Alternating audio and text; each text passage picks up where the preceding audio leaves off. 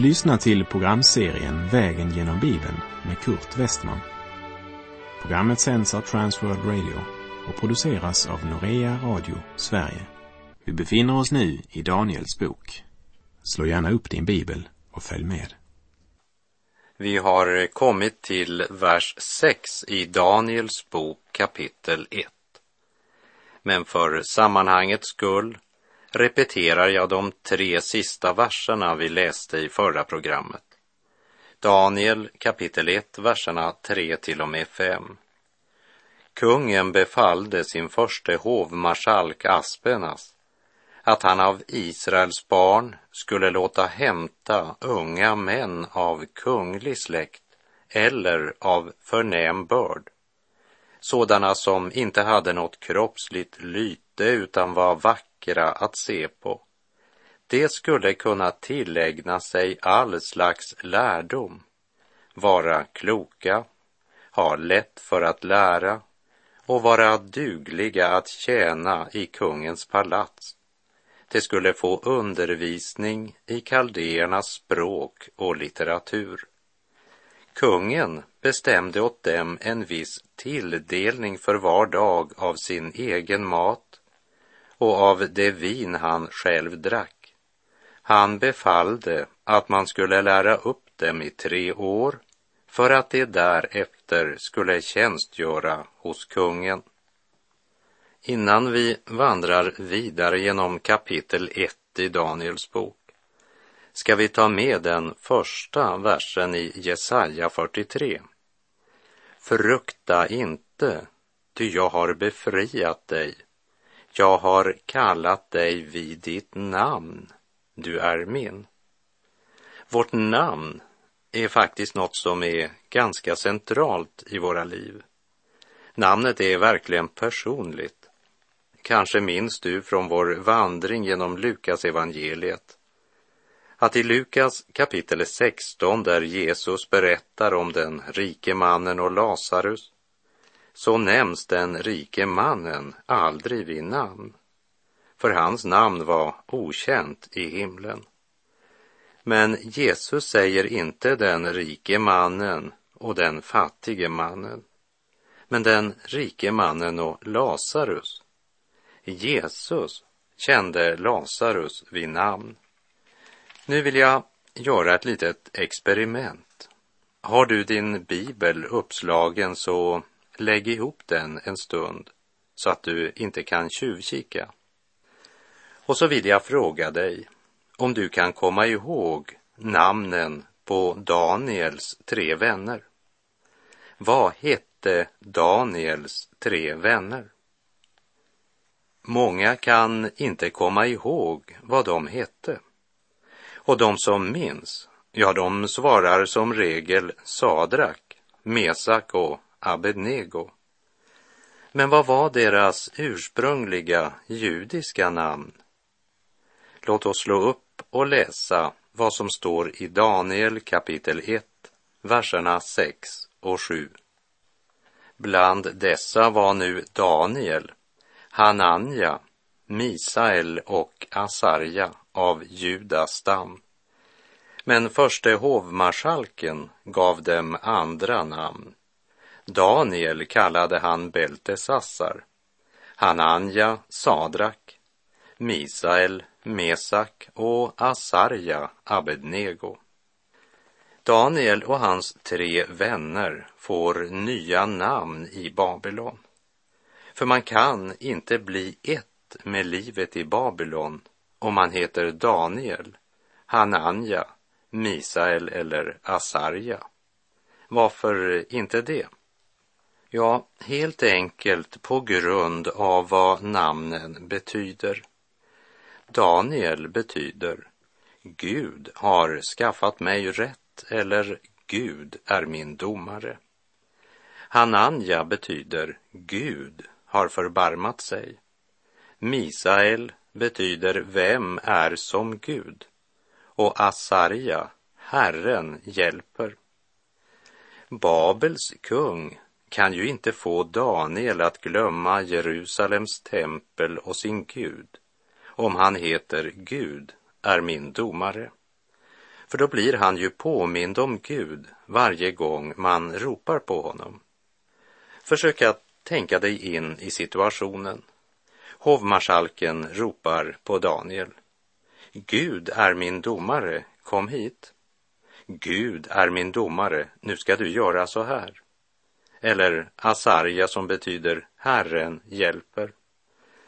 Även om de flesta i Babel var okända med vad de hebreiska namnen betydde, så var Daniel och hans tre vänner helt klara över namnens betydelse. Därför måste Babel ge dem nya namn, så att folket i Babel verkligen förstår att dessa tjänare, de hör hemma i Babel. Samtidigt så ska namnbytet få Jerusalems kungabarn att känna sig mindre främmande för Babels språk och litteratur. Namnbytet skulle ta bort det som påminde dem om Gud, göra dem mindre främmande för det hedniska livet. Daniel betyder ju Gud är min domare. Men Daniels nya namn, Bel te Sassar, betyder må Bel beskydda hans liv. Genom det nya namnet ska han lära sig att tänka också på Babels Gud. Och här är det en liten detalj vi ska lägga märke till. Babels kung ger dem nya namn, men Samtidigt får de också behålla sina gamla namn. När ni är vid hovet eller i tjänst hos kungen så använder ni era nya namn, Beltesassar, Sadrak, Mesak och Abednego. Men när ni fyra har era egna sammankomster eller möter era judiska vänner kan ni fortsätta att använda era judiska namn. Jag nämnde i slutet av förra programmet att fiendens första steg när Jerusalems kungabarn ska förvandlas till Babylons trälar, det var välfärd. Till de troende i Galatien skrev Paulus i Galaterbrevet 5, vers 13. Ni är kallade till frihet, bröder. Använd bara inte friheten så att den onda naturen får något tillfälle, utan tjäna varandra i kärlek. Kungens vin och kungens mat, lyxlivet vid hovet, skulle få dem att bli upptagna av njutning, frosseri, egen välfärd och framgång. Guds barns frihet skulle förvandlas till en frihet för kött det vill säga till en frihet som leder dem att börja styras av sin gamla natur och dess begär. Eller som Galaterbrevet uttrycker det, den onda naturen. Efter välfärden så presenterar Babels kung steg två som inbjuder till dubbelliv genom att ge dem personlig välfärd och ett liv i överflöd och frosseri så skulle deras gudsliv sakta och obemärkt kvävas och de sinnliga lustarna väckas.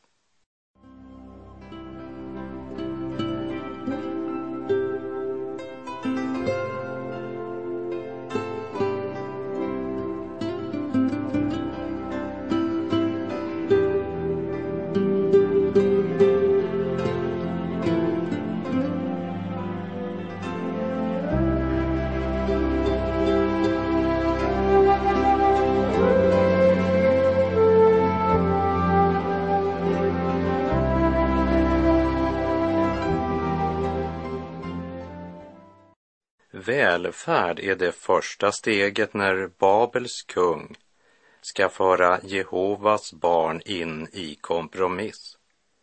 Dubbelliv är det andra steget.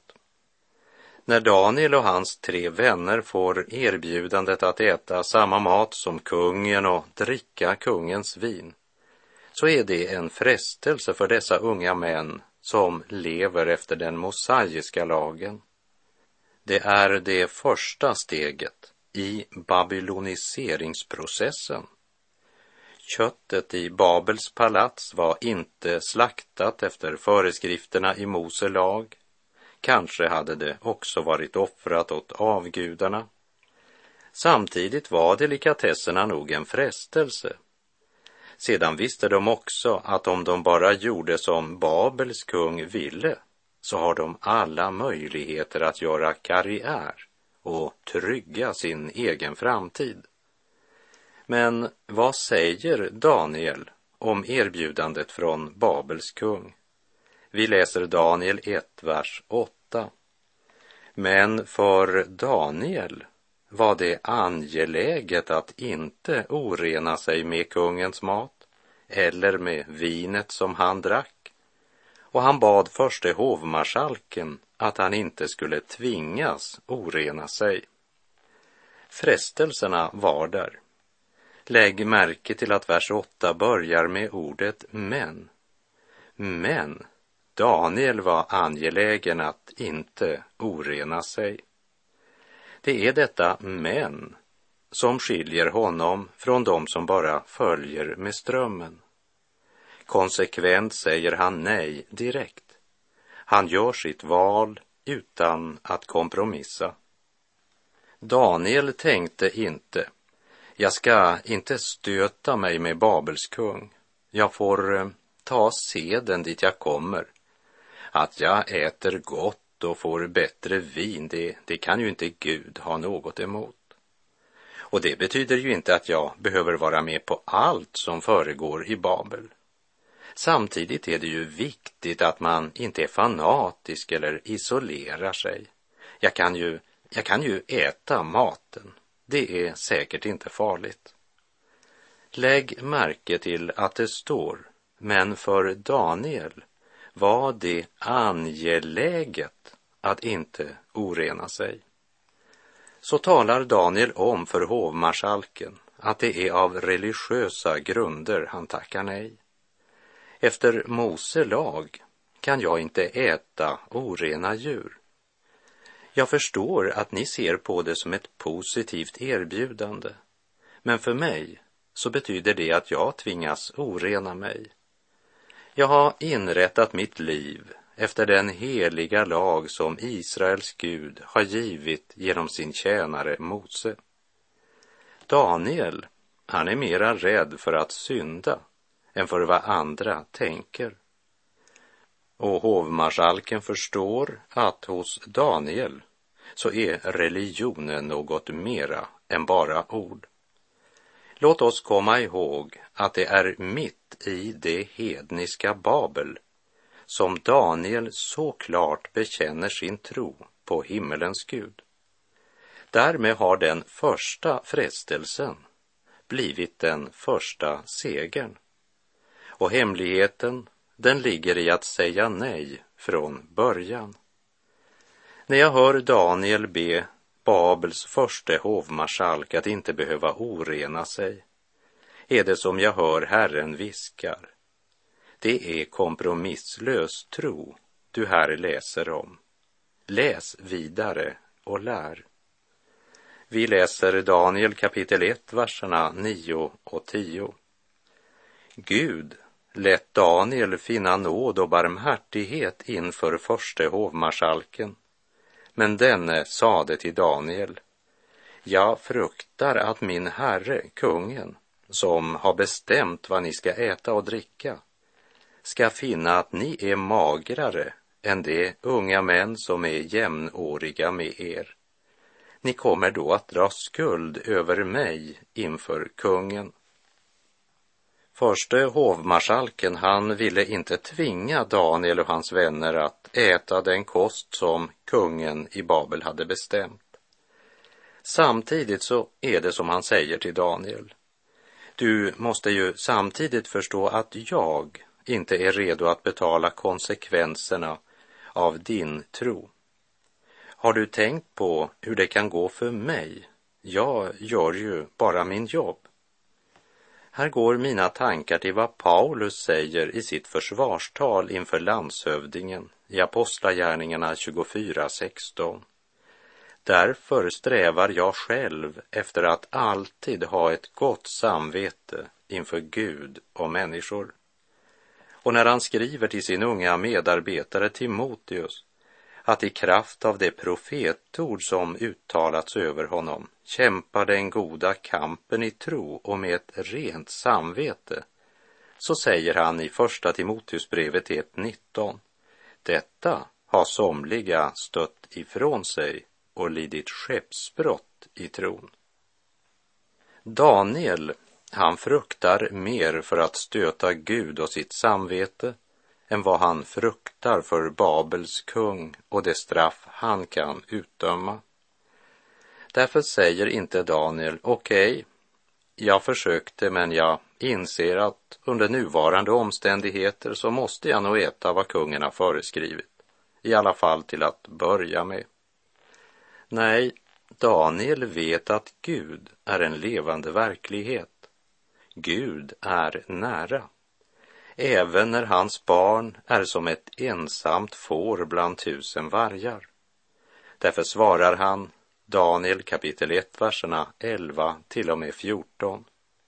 Då sade Daniel till hovmästaren, som förste hovmarskalken satt över Daniel, Hananja, Misael och Asarja. Gör ett försök med dina tjänare i tio dagar och låt oss få äta grönsaker och dricka vatten. Jämför oss sedan med de unga män som ätit av kungens mat och gör med dina tjänare efter vad du då ser. Han lyssnade till denna deras begäran och gjorde ett försök med dem i tio dagar. Daniel visar både den hedniske hovmästaren och hovmarskalken respekt. Tro är inte något vi gör på andras bekostnad. Hebreerbrevet 11.1 säger Tron är en övertygelse om det man hoppas, en visshet om det man inte ser. Daniels tro är inte en teori. Han räknar med Gud och överlämnar nu därför ansvaret till honom som har kommandot. Nu ligger saken i Guds hand. Nu är det Gud som avgör vad som ska ske. Dessa ord visar oss konsekvenserna av Daniels övertygelse.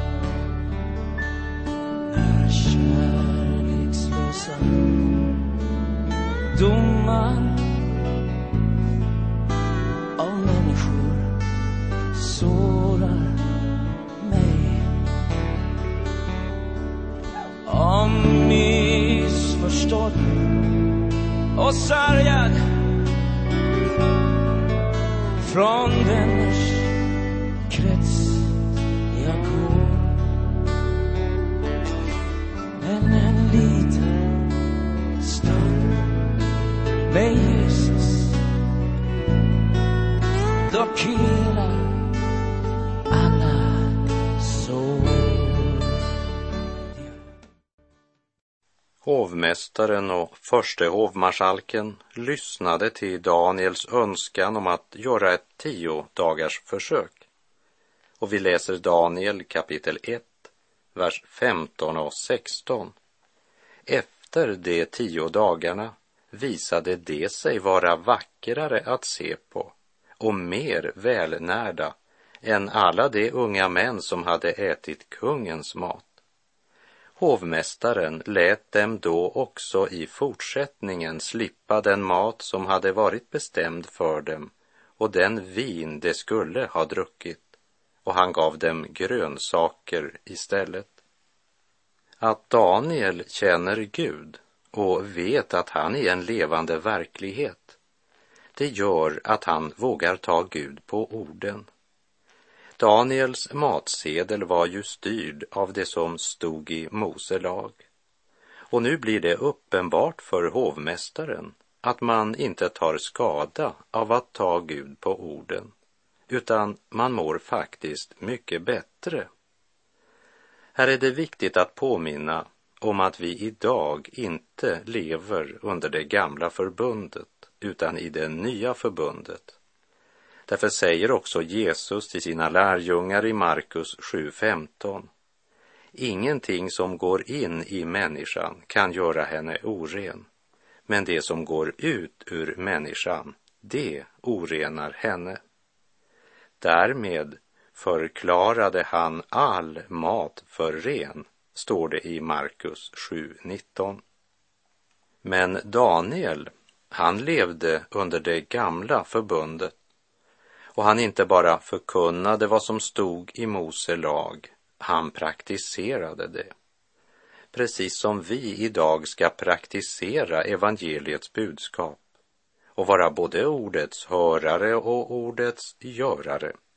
Som Jesus säger i Johannes 15.14. Ni är mina vänner om ni gör vad jag befaller er. Vi läser Daniel 1, verserna 17 till och med 21. Åt dessa fyra män gav Gud kunskap och insikt i all slags skrift och vishet. Och Daniel förstod alla slags syner och drömmar. När tiden var inne, då kungen bestämt att det skulle föras fram inför honom, fördes det av förste hovmarskalken inför Nebukadnessar. Kungen talade med dem och det fanns ingen av dem som kunde jämföras med Daniel, Hananja, Misael och Asarja. De fick då tjänstgöra hos kungen. Han fann att de i alla frågor som krävde vishet och förstånd var tio gånger klokare än någon annan av de spåmän och besvärjare som fanns i hela hans rike. Och Daniel blev kvar där ända till kung Korers första regeringsår. Vi la märke till att de först ställdes inför sitt trosprov. Därefter utrustade Gud dem med kunskap och insikt och Daniel förstod dessutom alla slags syner och drömmar. Guds visdom är så mycket större än all världens visdom. Till det troende i Korint skrev Paulus i Första Korinthierbrevet 3, verserna 18 till och med 20. Bedra inte er själva. Om någon bland er tycker att han är vis i den här världen måste han bli en dåre för att bli vis. Ty den här världens visdom är dårskap inför Gud. Det står skrivet. Han fångar det visa i deras slughet och vidare. Herren känner det visas tankar och vet att det är tomma. Kung Nebukadnessar fann att i alla frågor som krävde vishet och förstånd så var de tio gånger klokare än någon annan av de spåmän och besvärjare som fanns i hela hans rike. Och visheten hade Daniel inte fått från de kaldeiska skrifter, utan hemligheten med Daniel och även hans tre vänner och deras vishet, det var att de levde i gemenskap med Gud, fruktade och ärade Gud utan att kompromissa med Herrens heliga vilja. De var ordets görare. Så Nebukadnessar kallar in alla dessa unga för att se om de utbildats ordentligt och han förstod att det var fyra av dessa män som var annorlunda. Gud gav dem vishet och de förvaltade den till Guds ära. De levde alla fyra mitt i det hedniska Babel. Men den babyloniska världsligheten fick inget grepp om dessa fyra mäns liv. Och hemligheten, ja, det var att de sa nej redan från den första frestelsen som mötte dem. Deras kroppar var tvångsförflyttade till Babel, men deras hjärtan var kvar i Jerusalem. Men det är mer än en kristen bekännare idag som nog kanske bildligt talat har sin kropp i Jerusalem, det vill säga församlingen. Men det hjälper inte det om hjärtat är i Babel. Var är du, var är du, ack, trives du än där ute i synden och världen? Föraktar du ännu din himmelske vän, förledd av din kärlek till världen, den värld som är långt ifrån Herren? Var är du, var är du, ack, har du förstått att endast i Sonen är livet? och därför så arm och eländig du gått åt honom på nåd dig och givit och funnit förlossning i blodet. Då först är du säker. Då först kan så här med glädje din Herre du svara. Här är jag. Här är jag min frälsare kär och värdes du själv mig bevara så är jag i trygghet för evigt. Och med det så är vår tid ute för den här gången. Sök Herren medan han låter sig finnas. Åkalla honom medan han är nära och säg till Herren. Döm mitt hjärta här i tiden innan världen döms av dig. Och när tiden är förliden i ditt domslut fria mig. Herren vare med dig. Må hans välsignelse vila över dig. Gud är god.